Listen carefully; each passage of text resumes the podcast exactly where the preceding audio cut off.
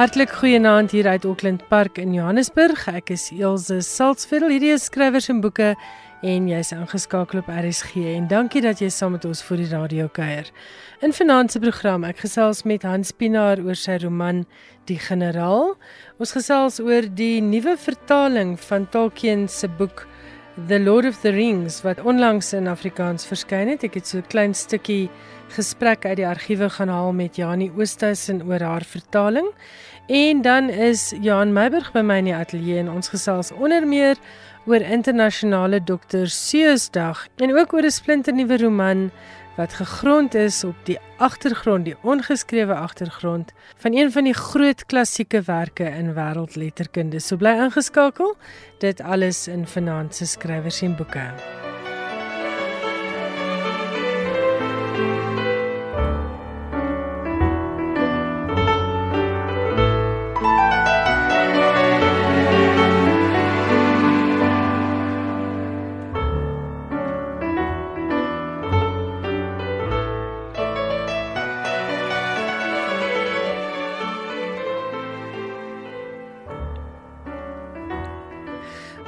Ons begin by die begin. Kom ons gesels met Hans Pinaar oor sy splinternuwe roman Die Generaal. Johannes 19 en in die weermag, wanneer die adjutant hom inlig dat hy na seksie C in die Zambesi vallei gestuur word om onreëlmatige ontgroening te ondersoek, pak 'n ongekende opgewondenheid hom beet. Maar dit is van korte duur want Johan besef gou hy is nie opgewasse teen die weermag nie. Al wat help is sy herinneringe aan pasnaweke saam met sy ouer neef Ben in Pretoria. Ben, die rebelse seun van die generaal, Ben wat sy eie oorlog veg. Dit is wat staan op die agterflap van die generaal. Hans Pinaar, baie welkom by my in die ateljee. Ons gaan vanaand praat oor hierdie aangrypende roman van jou. Goeienaand Elsje. Baie dankie dat jy die moeite gedoen het om ateljee toe te kom en baie geluk met die generaal wat ook 'n finalis was in NB se groot romanwedstryd. En vir die lesers wat wonder of wat dalk sinies is oor nog 'n grensroman want dit is 'n genre wat goed verken is die laaste paar jaar.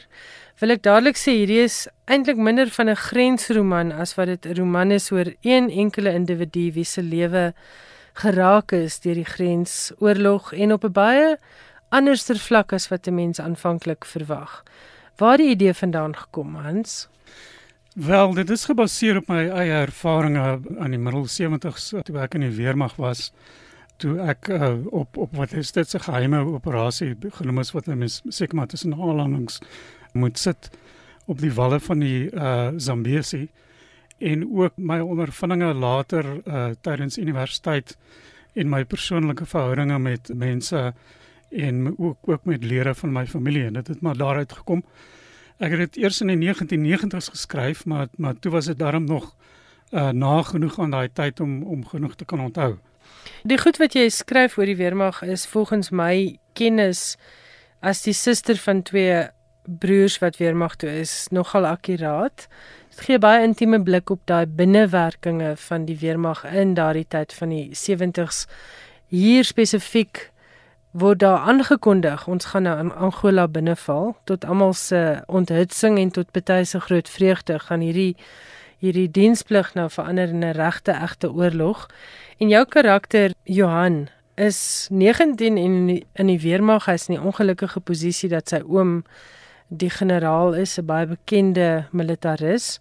So hy het eintlik op vele vlakke nie 'n keuse nie. Hy word deur landswette gedwing om te gaan veg.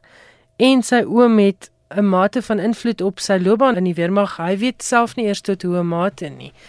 Hoekom het jy die storie oor hierdie boek gegooi? Wel my persoonlike situasie is dat uh, ek het ook 'n oom in in die uh, weermag gehad. So ek het insig gehad in jy weet maar net aan die voete van jou ouers ehm um, te sit en luister en hoe dinge nou in in die, in die uh, topkringe van die weermag werk. So ek ek het my kennis daai uitgeput. Maar ehm um, ek het ook probeer om uh weer te gee wat dit is om in opstand te kom uh teen iets waarmee jy nie saamstem nie en soos jy sê waarin jy gedwing is sonder dat jy eintlik regtige keuse het of as jy 'n keuse het dan dan besef jy dit op 19 nog nie. So daar's verskillende forme van opstand wat ek nou probeer behandel in die roman daar is Johan se eie opstand en dan sy neef se opstand. En sy neef is nou die generaal se seun. Die generaal se seun, ja. ja. En dan word Johan ook spesifiek as offisier na die grens toe gestuur om om 'n 'n geval van ontgroening wat onwettig was in die weermag uh amptelik onwettig was om dit te gaan ondersoek. So daar's nog opstand op daai vlak ook. En Johannes in 'n moeilike posisie. En ek bedoel eintlik was alle jong mans daardie tyd in in dieselfde moeilike posisie. Hulle kon nie hierdie opstand teen enigiets wat die regering of ouers of skool of kerk op hulle afdwing eintlik verbaliseer nie, want dit was nie in daardie tyd die ding wat ons gedoen het nie. It wasn't the done thing. Jy het maar gedoen wat die skool en die kerk en die weermag en die landsregering vir jou sê. So baie geluk met hoe jy Ben se rebellie uitbeeld en ook hoe jy die leser geleidelik saamneem op Johan se innerlike rebellie wat wat klein begin maar wat al hoe groter word. En Johan wat uiteindelik 'n totale volwassene uit hierdie situasie stap. 'n nare situasie by tye, maar hy maak sy besluit uiteindelik en hy hou daarbey. Is dit iets wat jy spesifiek baie oor moes dink oor hoe jy dit gaan verwoord want dis baie sensitiewe dialoog, dis fyn geskryf, mens let op hoe jy nadink oor woorde. Ja, ja, soos ek gesê, die eerste weergawe is in die laat 90's geskryf. Daarna het ek dit in Engels oorgeskryf en uh deur nog 'n hele paar weergawe gegaan en soos wat mense nou maar deur die weergawe gaan verander jy en jy skaaf dan en jy skaaf dan jy weet in eers in 2016 rond kon ek 'n uitgewer kry wat belangstel om dit uit te gee. So ja, dit is uh, letterlik uh, werk van dekades wat hier ingesit is. Ehm um, ek ek het dit ook aanvanklik aangepak as 'n as 'n eksperimentele roman. En uh dit het beteken dat ek baie met juxtaposisie gewerk het en so aan, maar ek het net later besef uh dit werk glad nie en en mense stel nie so soveel belang in daai aspek van die letterkunde meer nie. Ek moet kyk na die storie. Hmm. En uh, dit was my groot deurbraak hier hier in 2016 rond toe ek die die ding soos die Engels sê gestorify het en uh, meer spanning daarin gesit het. En ek dink daar het my agtergrond um, in die teater as dramaturg ook 'n rol gespeel. En ek is baie bly dat ek dit gedoen het. So ek is baie bly oor al daai jare wat uh uitgewers dit uh, uh weggewys het en my kans gegee het nog ver, verder aan te werk. Wat ek opgelet het, dis 'n baie atmosferiese roman. Mens voel jy's in Ben se woonstel. Ek het sommer ook afgelei dis in Sunnyside. Dit was dalk nie eers nie, maar dit het vir my so Sunnyside gevoel gehad. Ek het gevoel mens is saam met Johanna in die Zambesi verlei. Dit het vir my by tye ook 'n bietjie laat dink aan Chris Barnard se Mahala, hierdie groen donker bos en die um dreigendheid van die bos. En dan Johan se binnewêreld het jy verskriklik akkuraat geskep. Hoe skryf 'n mens so? Ja, dis dis 'n dis 'n moeilike vraag om om om te antwoord. Is dit maar ervaring, is dit maar slyp, is dit maar daai oorskryf en oorskryf en weer skryf? Ehm um, dit is definitief so. Uh maar deel van my benadering om om om dit nou 'n eksperimentele roman te maak, dan ek dink 'n bietjie terug met uh, met verleentheid as ek dink hoe ernstig ek hierdie goed opgeneem het was om geweldig met metafore te werk en en metafoor trosse ek het hierdie teorie gehad dat as jy as jy begin met een soort metafoor in die begin van 'n roman dan kan jy daai metafoor verder voer in allerlei ander plekke in die roman. Daai manier dat ek baie uh metafore en dis baie beskrywende atmosferiese goed in die roman ingevoer Nou baie van daai goed is later teruggesny ook uh, met die hulp van van die uitgewer wat net voet neergesit en gesê daar's net heeltemal te veel. Uh die ding is oorskryf en sy was heeltemal reg. Maar ek dink wat toe nou agtergebly het is soos jy sê, um die atmosferiese uh behandeling van die hele storie. Nou wil ek vir jou vra, jy was al by my in die ateljee met boeke wat jy self uitgegee het. Jy het jy het self uitgee pad gekies. Hierdie is as ek reg is jou eerste roman by 'n hoofstroom uitgewer. Ja, dis korrek. Het daai self uitgee vir jou lesse geleer wat jy kon toepas hier? Ja, definitief. Ek ek sal dit definitief aanbeveel. Ehm um, jy weet dit mag kom omdat uh, jy weet mense stap maar aan ehm um, in die lewe, jy word 'n bietjie ouer. En dan begin jy dink, "O, okay, dit het nou nie veel gebeur nie." Uh jy weet maar jy sit met al hierdie manuskripte en en ek het uh, agtergrond in die kortstondige agtergrond in die uitgewerswese gehad. En ek het geweet hoe om dit te doen fisies uh, sonder om te veel geld uit te gee, weet, so dit het my maar aangespoor om dit te doen. Dit was 'n baie bevredigende proses omdat dit lekker is om dit fisies te doen, maar ook omdat die terugvoer wat 'n mens kry. As jy 'n roman uitstuur in die wêreld, wat word dit 'n heeltemal ander ding as wanneer hy in jou op jou komputer lê en jy gaan terug na hom en jy torring aan hom en skaaf van hom oor en oor. Maar dis um, nog steeds net jy wat dit sien. Ja, ja, en jy jy kyk op op 'n bepaalde manier daarna. Jy is, sien goeders nie meer raak nadat jy nou hom nou 15 keer deurgewerk het nie. En dan en dan kom hy uit selfs al het jy hom nou self publiseer en al is dit net 10 mense wat hom lees. En dan sê hulle maar hulle reaksie is hierop en dan dink jy my wêreld maar jy weet ek het dit nie besef nie. En daai proses van terugvoer om terug te kom na die oorspronklike vraag is baie belangrik vir 'n skrywer, jy weet. Ja, dit het my baie gehelp.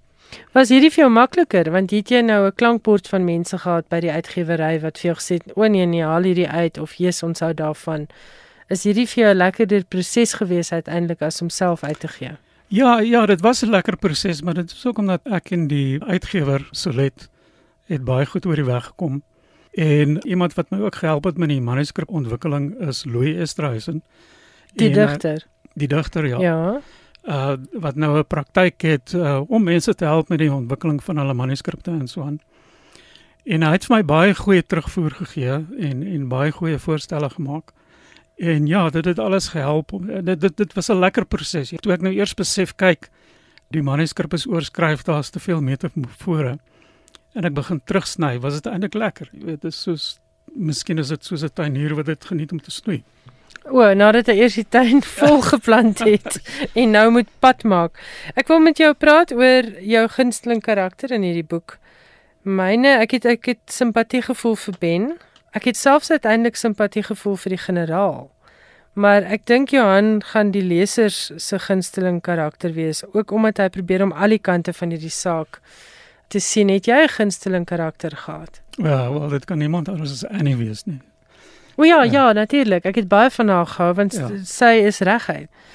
Ja, sy is gebaseer op op uh, uh, een of twee uh, werklike mense um, in die lewe. So ehm um, jy weet ek sien hierdie mense nog steeds in haar. So ja, sy is my gunsteling karakter. En die terugvoer wat jy gekry het van die mense wat jy dalk aanhaal in hierdie boek op wie se lewe jy dit gebaseer het. Maar nee, kyk die die die basiese raamwerk van die boek is gebaseer op uh, werklike gebeure maar die karakter self is uh samevoegings. Daar's miskien heelwat van van my in Johan, al, alhoewel ek nie so uh wintie was soos hy toe ek in die weermag was nie. Ek was maar 'n stil ouetjie op die agtergrond. Maar ja, nee, nog niemand het na my toe gekom en gesê hulle erken hulle self um in die, in die boek nie, in, in die, die boek, boek nie. So ja. Maar kom ons praat oor grensromans in die algemeen. Dit is onbetwisbaar so dat die grensoorlog vreeslike letsels gelaat het op mans van min of meer jou ouderdom, laat 50s, vroeë 60s. Was dit ook 'n 'n manier om daardie letsels te belig om 'n roman soos hierdie te skryf? Ja, maar jy weet die groot uh, probleem wat ons daai tyd gehad het is dat heel party van ons ehm um, het eintlik die weermag geniet. En dit is daai twee spalt van die weermag geniet, maar naderhand besef dat uh, hierdie ding is dan nie eintlik goed vir jou nie, maar allerlei redes en so aan wat mense eintlik opneek want jy jy voel jy wil in opstand kom en jy weet daar's daar's geleenthede uh wanneer jy myself uh, wonder moet jy nou nie 'n uh, conscientious objector word nie, 'n uh, gewetensbeswaarder hmm. word nie. En dan gaan jy net maar deur die argumente en dan is jy eenvoudig nie toegerus om die ding behoorlik te beoordeel nie as gevolg van die sensuur van die tyd en omdat jy nog net 19 of 18 jaar oud is. Ja, jy het nooit nog, geleer om te bevraagteken in daardie era nie. Jy het nooit geleer, geleer om te bevraagteken nie. So daar's hier 'n geweldige tweespalt waar jy besef dat daar's goed in hierdie hele ding wat nie lekker is nie. Jy weet, um, teen daai tyd was my politiek sou ek sê daai tyd was die was die uh, oppositieparty die progressiewe federale party wat uh, dialoog met swart mense voorgestaan het. En hier moet jy nou in 'n weermag veg waar jy moet gaan leer hoe om swart op roerige skares uh, te hanteer, jy weet. So dit was moeilik. Dit is 'n goeie voorbeeld, jy weet. Ek het ek het daai parades en so wat ons geoefen het. Dit was nou nog voor uh, 76. Dis voor oorlog, ja. is voor Angola. Ja, daai daai manoeuvres wat ons geoefen het om wat ons sou gebruik in in die in die uh uh townships toe al. Het het ek geniet. Dit was lekker om om as offisier daar te staan en uit te spring en bevele te gee en agterna patroondoppies op te tel um, en en en en goed te skryf. Maar hy het ook besef dat hierdie is eintlik nie 'n militêre ding nie, uh, maar 'n politieke ding wat besig is om plaas te vind hier. Maar daar's geen manier waarop jy jou dissidensie hieroor of jou verwerping daarvan kan registreer of uitspreek nie. Nee, want jy is een sielietjie in 'n land waar honderde, duisende ja. jongmans dieselfde lot het as jy. Dis reg ja, en jy en jy dink jy is die enigste swap wat so voel. Maar agterna in die siviele lewe wanneer ons nou oor praat, dan besef jy maar nee, ja, was eintlik 'n hele klomp ouens wat presies dieselfde gevoel het. Wat gevoel het dat uh, die weermag was vir hulle lekker, maar hulle wil dit nooit weer doen nie, weet. Mm, mm. Ek het gesels met Hans Pinaar oor sy boek Die Generaal. Hans baie geluk daarmee. En soos wat Karen Breinhardt dit op die voorblad beskryf, sensitief, onthutsend, lakonies. Baie geluk daarmee en ek koop die boek vaar goed. Baie dankie Ilse. Die generaal word uitgegee deur Tafelberg Uitgewers. As jy sopas die radio aangeskakel het, baie welkom by RSG. Ek is Elsje Saltzwedel en nou luister jy na skrywers en boeke. En ek gaan sommer hierdie gaatjie in die program benut om oor 'n baie oulike kinderboek te praat wat onlangs op my lesenaar beland het. Kom ons praat oor waar babas vandaan kom. Dit is 'n boek deur die skrywer Robbie H Harris. Sy is 'n bekroonde skrywer, 'n onderwyser van beroep en ook die direkteur van 'n naskoolprogram vir jong kinders. Sy is veral bekend as skrywer van kinderboeke oor seksualiteit. En kom ons praat oor waar babas vandaan kom is spesiaal vir Lapa uitgewers in Afrikaans vertaal omdat daar so groot aanvraag was na 'n boek soos hierdie in Afrikaans. Dis 'n maklik verstaanbare boek wat fokus op belangrike dinge waaroor kinders wonder.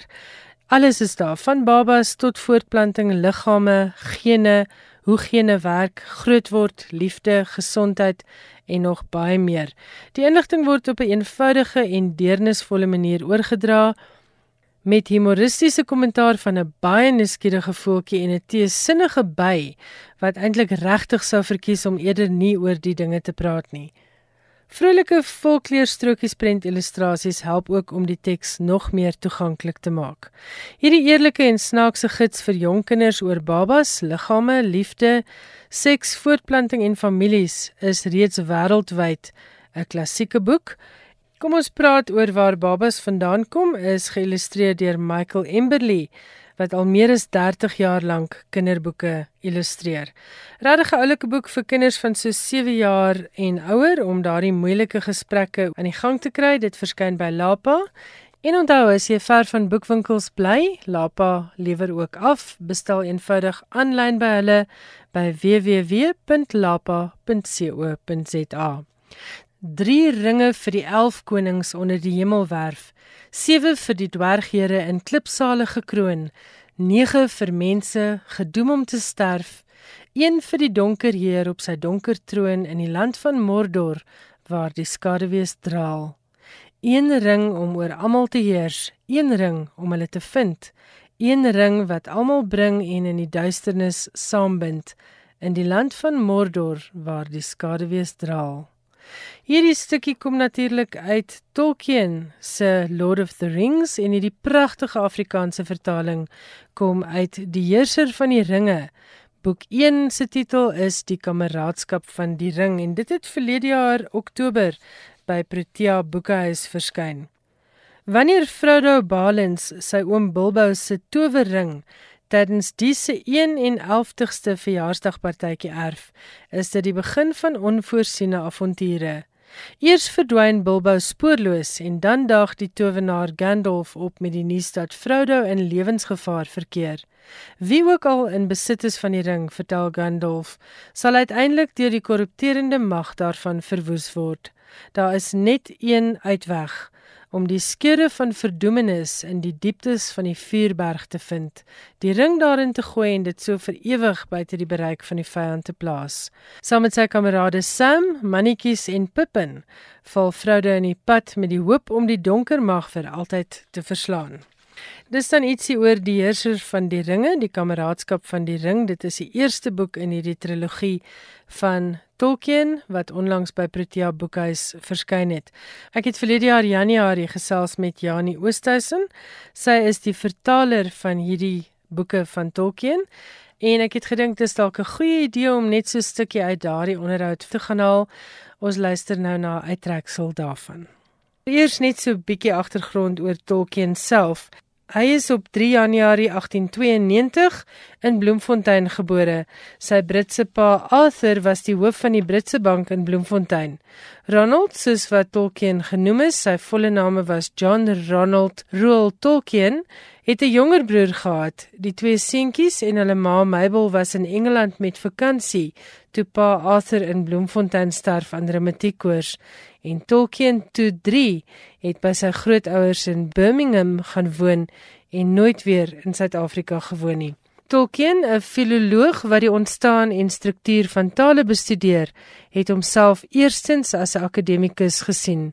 Die skryf van fantasieboeke soos The Hobbit en Lord of the Rings was vir hom 'n interessante stokperdjie en deur sy boeke waar hy eintlik net 'n interessante mitiese wêreld skep. Hy was baie skepties oor die meeste aanhangers van sy werk en het geglo hulle kan nie werklik die omvang daarvan waardeer nie.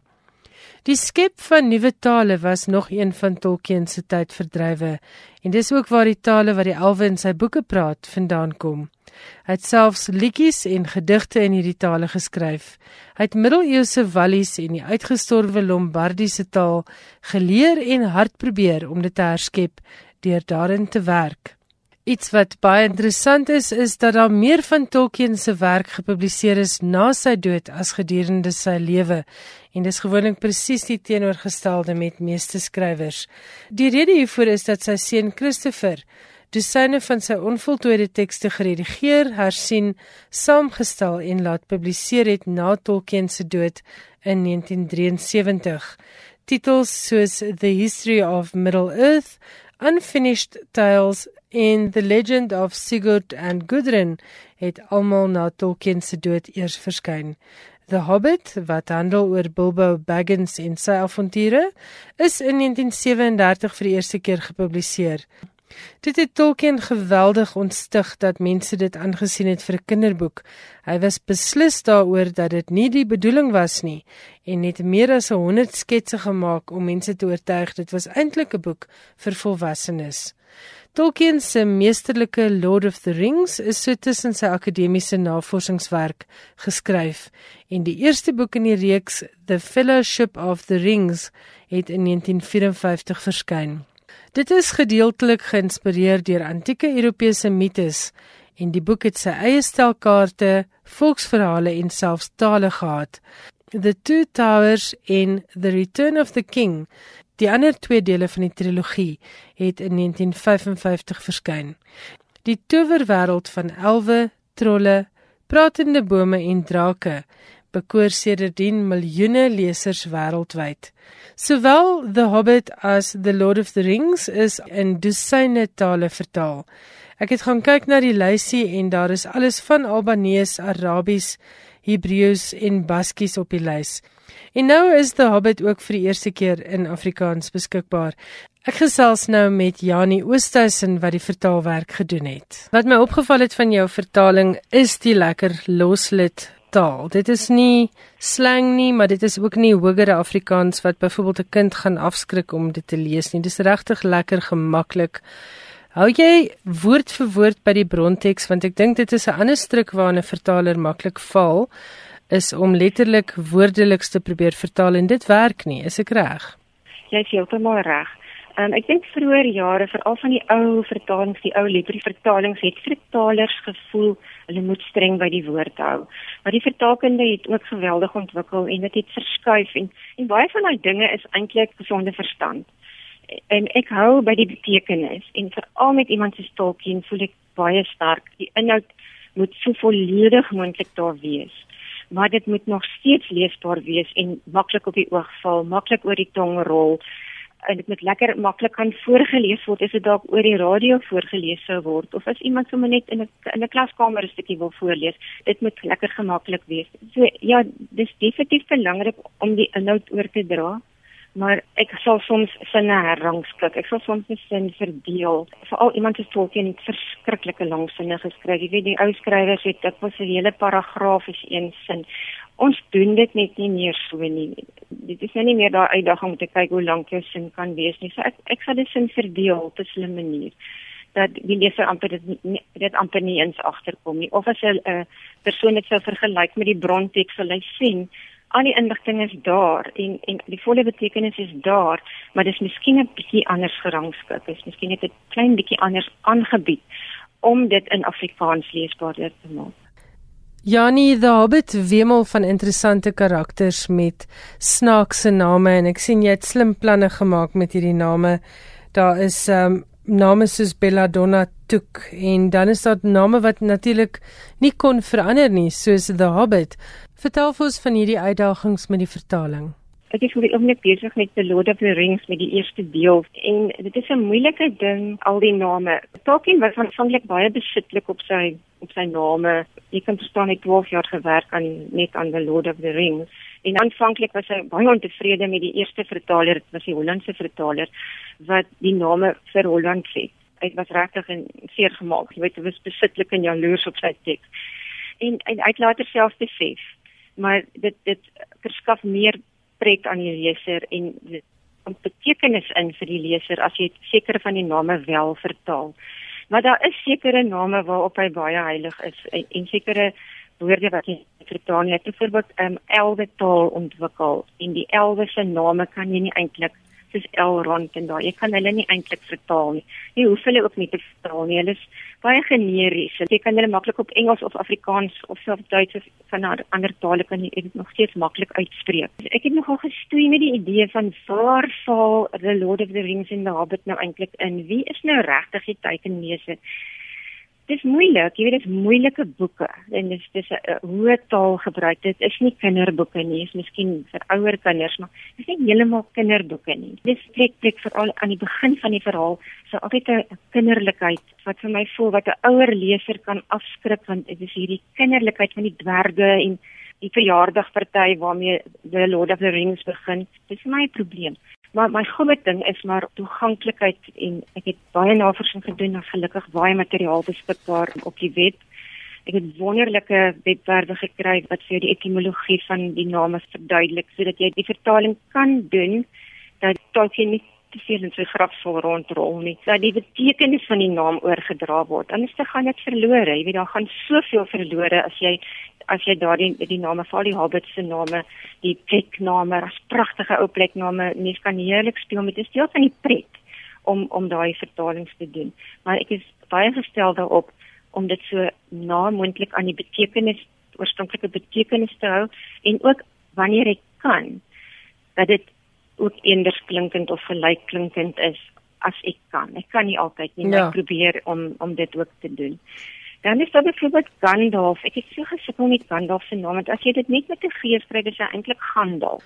So ek het hom ek het met die H ingevoel. Gandalf met 'n H soos wat jy God sou skryf en nie Gandalf Gandalf met G soos wat jy Golf sou skryf nie. In Gandalf se geval het ek 'n H ingevoeg. Ek het sy naam vir Afrikaans. Maar dan staan nou byvoorbeeld 'n ander dwerg met die naam Gorbadoc. En ek het gevoel as ek nou hierdie H indruk dan lyk dit net nie vir my lekker nie. En gaan dit nou saak mas as iemand hom nou Gorbadoc noem, soos Gerard of Gerrit. So ek is nie altyd konsekwent nie, ek het dit so stel. So dit het my gegaan oor my gevoel. Jy weet dis maar 'n arbitreëre ding. Ek, ek sit min speel maar en wonder maar en ek neem besluite en mense gaan van my verskil. Jy het iets oulik gedoen met Great Uncle Bullroarer wat jy oor praat as grootoom Woolvleel. Wat op aarde is 'n woolvleel? Ja. 'n woefleem is 'n woelroer volgens my wonderlike woordeboek. Regtig? Jy het hierdie geval waar by die betekenis gehou het, maar ek kon nou nie die boerhoorn en woelvleuel klink net glad nie na mekaar nie, maar ek het te gehou van daai woord. Name soos Kili en Oin en Gloin en Dori en Ori en Nori, is dit net so uit die oorspronklike teks geneem? Dis reg, dit is maar die oorspronklike ehm um, benamings. Maar nou weet jy 'n interessante ding, Tolkien self is nie altyd konsekwent nie. Byvoorbeeld Oin en Gloin in die Hobbit self is dit geskryf net so G L O I N, maar nou sien ek in The Lord of the Rings, het hulle so nou iets streepie op. Die arme man was alles in sy kop hou, nie, hy het nie rekenaar gehad om hom te help nie. Vir my is dit baie maklik. Ek doen gou 'n vinnige soek tog op Ja, my rekenaar. ja. O, dis wat ek daar gedoen het. Hy moet alles in sy kop hou. Kom ons praat oor Tolkien die skrywer. Hoe het jy sy werk gevind? Dit is vir my baie interessant geweest om 'n bietjie op te lees oor hom en sy liefde vir taal en hoe hy ou tale herskep het en dan hierdie elwe taal wat hy spesiaal geskep het vir hierdie fantasiereeks van hom. Jy self 'n skrywer en jy's 'n vertaler, het dit jou gefassineer hoe hierdie ou hierdie storie aan mekaar gesit het? Ek het net bewondering vir hom regtig. En baie baie skrywers staan op sy skouers. Rowling van die Harry Potter boeke staan self baie swaar en breed op sy skouers. Baie keer as ek dit lees dan dink ek, mm, ek kan sien sy het vir jou goed bestudeer op haar dag. Ja, ek het uh, of the Rings al van tevore gelees en dit is nie vir my heeltemal nuut nie. Maar dit is nuut as jy nou so intensief met die teks werk. Maar ek was nog al 'n bietjie verskrik toe ek en Protea nou ooreengekom het dat ek die vertaling gaan skep. Dit is 'n groot werk en jy kan eintlik nie vergoed word vir die insette wat jy moet maak wanneer dit 'n boek is wat jy weet deur soveel mense beskou word as die boek van die 20ste eeu nie. Ek dink Tolkien het 'n ongelooflike brein gehad. Hy is beslis 'n baie intelligente mens. En hy is 'n filoloog. Jy weet, jy speel met iemand se werk wat regtig 'n kenner is wat baie tale geken het. So jy dit is 'n verantwoordelikheid, maar dit is ook 'n genot. Ek geniet dit verskriklik. Ek skep eintlik 'n 'n manuskrip. As ek 'n so 'n naam vertaal, dan plak ek daai stukkie wat ek nagevors het, plak ek in 'n kommentaarblokkie in want daar's so baie in daai boek. Mens kan nie elke dingetjie bespreek nie. Tolkien se werk is kompleks, dis ryk. Hy skryf sulke digte vol gepropte sinne, jy weet. Het 'n het 'n moeilike skryfstyl om na te boots en om te vertaal. Ek stoei met elke sin. Dit is stimulerend.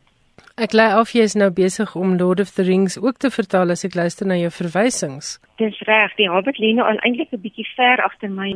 Ek het nou basies die eerste deel van the Lord of the Rings is, is nou op my rekenaar. Ek is nou besig om die tweede keer daardeur te werk. Ek werk die tweede keer weer met die met die boek daardeur en dan lees ek dit net vinnig vir vlot uit en vir logika en vir Afrikaans. Is dit Afrikaans lê die sinne reg? Met Afrikaanse sinsvolgorde is mos heeltemal anders as Engelse sinsvolgorde. So jy moet kyk dat elke frase op die regte plek lê en dit is anders as in Engels. Dit- Dan dan lees ek dit nou daarvoor. Is die woordkeuse, is dit is dit die regte woord, is dit die juiste woord? Is wat dit saam wat wat hy oorgedraai, dra ek dit ook oor. Dit was 'n uittreksel uit 'n onderhoud met Janie Oosthuizen wat in Januarie verlede jaar hier op skrywers en boeke uitgesaai is. Goeie boekwinkels landwyd behoort ook hierdie Afrikaanse weergawe van Tolkien aan te hou. Maar as jy dalk sukkel, gaan loer gerus op www.proteaboekhuis.com. Jy luister na skrywers en boeke op RSG. Jan Meiburg, baie welkom by my in die ateljee. Baie dankie. En waaroor gesels ons vanaand? Ons begin met die Londense boekemark. Die London Book Fair wat op 12 Maart begin en tot 14 Maart duur, is Brittanje se grootste boek- en uitgewersgeleentheid. En die lysskrywers wat vanjaar daar optree, sluit in Ian McEwan, Daisy Buchanan, Jessie Greengrass, Frank Tallis en Orna Ross. Een van die debuutskrywers wat op die mark optree is Lara Prescott, oor wie se eerste roman almal aan die praat is. The Secrets We Kept, uitgegee deur Hutchinson, wat in September verskyn, is die verhaal agter die verhaal van Boris Pasternak se Dr. Shivago, die roman wat aanvanklik in die USSR verbied is. Prescott se boek word spoedig uitgereik in 28 tale en 'n rolprentverwerking van die boek word ook gedoen. Die boek speel af teen die aanbreek van die Koue Oorlog. Olga Ivinskaya, Pasternak se muse, word in Moskou gearresteer. Die regering is bewus van die roman waaraan hy werk, een waarin die Oktoberrevolusie bevraagteken word.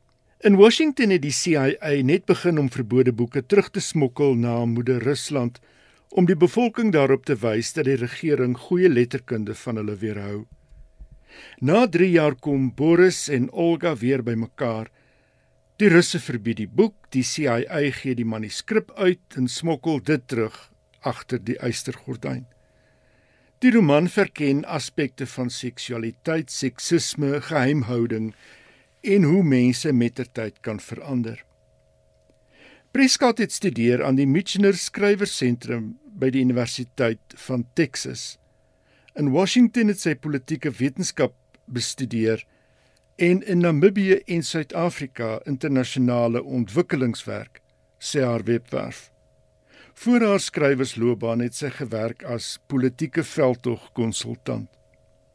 Die London Book Fair het ook die kortlyste vir sy 2019 uitnemendheidspryse bekend gemaak. Altesaam 26 lande kom ter sprake in die kortlyste.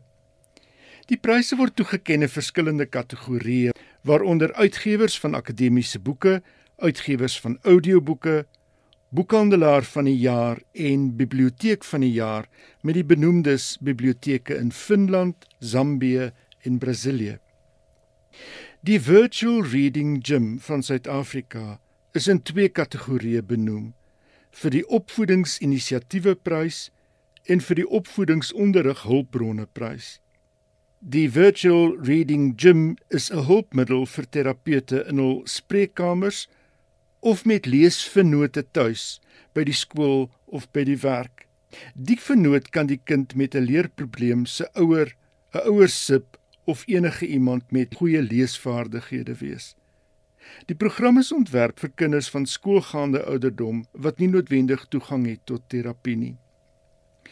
Wat die virtual reading gym enig maak, is die vermoë om die kind met leesprobleme se probleemarea te bepaal en spesifiek dan daaraan aandag te gee. Die pryse word tydens die London Book Fair oorhandig. Ons hou dan baie styf duim vas vir die virtual reading gym. En watter van daai Romeinse keisers het nou weer gesê altyd iets nuuts Suid-Afrika? Ehm, um, was dit Tertullianus gewees? Maar in elk geval, wie hy ook al was, hier is weer iets fantasties wat uit Afrika en spesifiek uit Suid-Afrika kom. En dan het jy iets oor audioboeke. Die Amerikaanse Uitgewersvereniging het onlangs syfers van boekverkope bekend gemaak. Volgens die verslag het audioboekverkope verlede jaar met 37,1% toegeneem. Die derde op een volgende jaar dat die segment in die mark dubbelsyfer groei toon. 'n Groot bydraer is audioboeke wat digitaal afgelaai word. Daarenteen het e-boekverkope die dalende neiging van die afgelope paar jaar voortgesit met 'n verdere daling van 3,6%. Volgens Publishers Weekly is die 54% van die audioboekmark se teiken gehoor luisteraars jonger as 45. Die syfer word toegeskryf aan skermtamheid en mense se behoefte om eerder op slimfone na voorlesings te luister. In 'n ondersoek is bevind dat soveel as 73% van die deelnemers op 'n gegeewe tydstip verlede jaar na audioboekvoorlesings op hul slimfone geluister het terwyl 47% van die deelnemers sal slimfone gereeld gebruik om na audioboekvoorlesings te luister. Dit bly vir my baie interessante ding en ek sien daar is mense wat ek volg op byvoorbeeld sosiale media wat audioboeke verkies.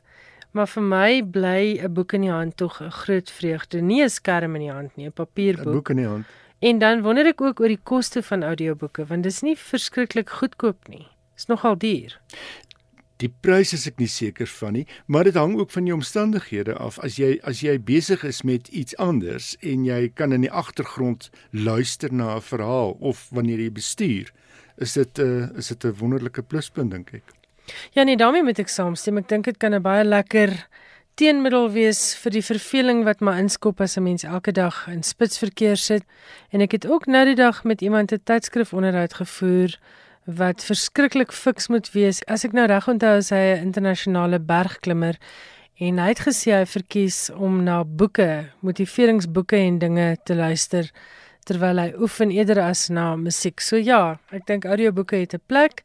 Miskien kan die luisteraars vir ons laat weet of hulle audioboeke geniet, gereeld luister en of hulle steeds maar gewone papierboeke verkies. Johan, en dan het jy ietsie oor 'n baie baie geliefde kinderboekskrywer. Wel, elke jaar op 2 Maart bied die Amerikaanse Nasionale Onderwysvereniging die Read Across America Day aan. Regdeur die land word lees bevorder in skole, biblioteke en ouers en kinders vier op die dag dan die wonder van lees. Die leesdag val op die geboortedag van Dr. Zeus wat in 1904 in Springfield, Massachusetts gebore is as Theodore Zeus Geisel. Hoewel hy nie 'n mediese dokter was nie, is sy ritmiese skryfwerk deur die jare nie regte medisyne vir al wat verveelde jong leser is. Dink maar aan die klassieke If I Ran the Zoo van 1950, Horton Hears a Who van 1955 If I Ran the Circus van 1956, The Cat in the Hat van 1957, How the Grinch Stole Christmas van 1957 en Green Eggs and Ham van 1960. Geisel wat nie kinders gehad het nie, het as strokiesprentkunstenaar en illustreerder begin werk. Dit was 'n artikel in Life waarin die skrywer gekla het dat kinderboeke so neerdrukkend en vervelig is wat dokter Zeus aan die gang gekry het. Geisel se maat in die gesin se bakkery gewerk en het die verskeidenheid pastye elke dag vir die klante op 'n singerige manier voorgehou. As slaapliedjies het sy vir hom pastyliedjies gesing. Later het hy sy maakrediet gegee vir die sangerige rymende manier van woordestrengel wat sy hom onderbewustelik geleer het. Hier is 'n gedeelte uit 'n audioboek voorlesing uit The Cat in the Hat voorgeles deur Anna Green. The sun did not shine. It was too wet to play. So we sat in the house all that cold, cold, wet day. I sat there with Sally. We sat there, we two. And I said, How I wish we had something to do. Too wet to go out, and too cold to play ball. So we sat in the house. We did nothing at all. So all we could do was to sit, sit, sit, sit, and we did not like it, not one little bit. Bump! And then something went bump. How that bump made us jump! We looked, then we saw him step in on the mat. We looked and we saw him, the cat in the hat, and he said to us, Why do you sit there like that? I know it is wet and the sun is not sunny, but we can have lots of good fun that is funny. I know some good games that we could play, said the cat. I know some new tricks, said the cat in the hat. A lot of good tricks, I will show them to you. Your mother will not mind at all if I do. Then Sally and I did not know what to say. Our mother was out of the house for the day. But our fish said, No, no, make that cat go away. Tell that cat in the hat you do not want to play. He should not be here. He should not be about. He should not be here while your mother is out. Now, now, have no fear, have no fear, said the cat. My tricks are not bad, said the cat in the hat. Why, we can have lots of good fun if you wish, with a game that I call Up, Up, Up with a Fish. Put me down, said the fish. This is no fun at all. Put me down, said the fish. I do not wish to fall. Have no fear, said the cat. I will not let you fall. I will hold you up high as I stand on a ball, with a book on one hand and a cup on my hat. But that is not all I can do, said the cat. Dit was die stem van Anna Green en sy het voorgeles uit The Cat in the Hat, waarskynlik een van die mees bekende Dr. Zeus kinderboeke. Tot waar strek jou eerste onthou van kinderboeke? Myne is graad 1 en het die wonderwêreld van daai biblioteekhoekie in die hoek van die klas. Ons het so 'n biblioteekkas gehad en Ja. ek onthou daai um genot van jouself in 'n hele prentjie in verloor. Richard Scarry dink ek is 'n ander gunsteling gewees uit daai tyd en dan Dr. Zeus. Ja. Ek het Dr. Zeus later teëgekom, maar wat ek wel onthou van skool daar is in die laerskool se biblioteek was daar 'n boek oor dinosourusse en die titel van die boek was The Animals of Long Ago en ek kon ek Long kon nie ago. ek kon nie uitwerk waar is Long Ago nie. Dit my geruime tyd gevat om agter te kom. Uh, dis die diere van wel eer. Johan, wonderlik. Altyd ietsie om oor te lag saam met jou. Baie dankie ook vir jou lekker insetsels. Baie dankie. En ons gesels dan volgende week weer. Met Johan Meiburg se insetsel het ons ongelukkig weer aan die einde gekom van vanaand se program. Net vir ingeval jy daardie naam gemis het van Lara Prescott se boek. Dit is nou die boek wat gebaseer is op Dr. Zhivago, die onvertelde storie agter Robert Pasternak se Dr. Zhivago. En dit is 'n boek wat die London Book Fair en allerlei ander boekfeeste op die oomblik aan die grond set. Lara Prescott se boek heet The Secrets We Kept. En die leesprogram waarna Johan verwys het wat hier in Suid-Afrika ontwikkel is en wat ook 'n kans staan op 'n internasionale bekroning, net weer vir ouers of grootouers of ooms en tannies en onderwysers wat sukkel om kinders op die regte manier te laat lees, gaan loer gerus na The Virtual Reading Gym. The Virtual Reading Gym en ek is seker daarvan jy gaan aanlyn wonderlike antwoorde kry vir kinders en hulle leesprobleme. Dis dan ongelukkig al van my kant af. Volgende Woensdag aand is ek terug. My e-posadres is skrywersenboeke@rsg.co.za. En net omdat dit mooi musiek is en omdat Johan daarna verwys het, sluit ons vanaand se skrywers en boeke af met Lara's theme. Dit is natuurlik die tema musiek uit Dr. Zhivago en hierdie weergawe is deur James Last en sy orkes.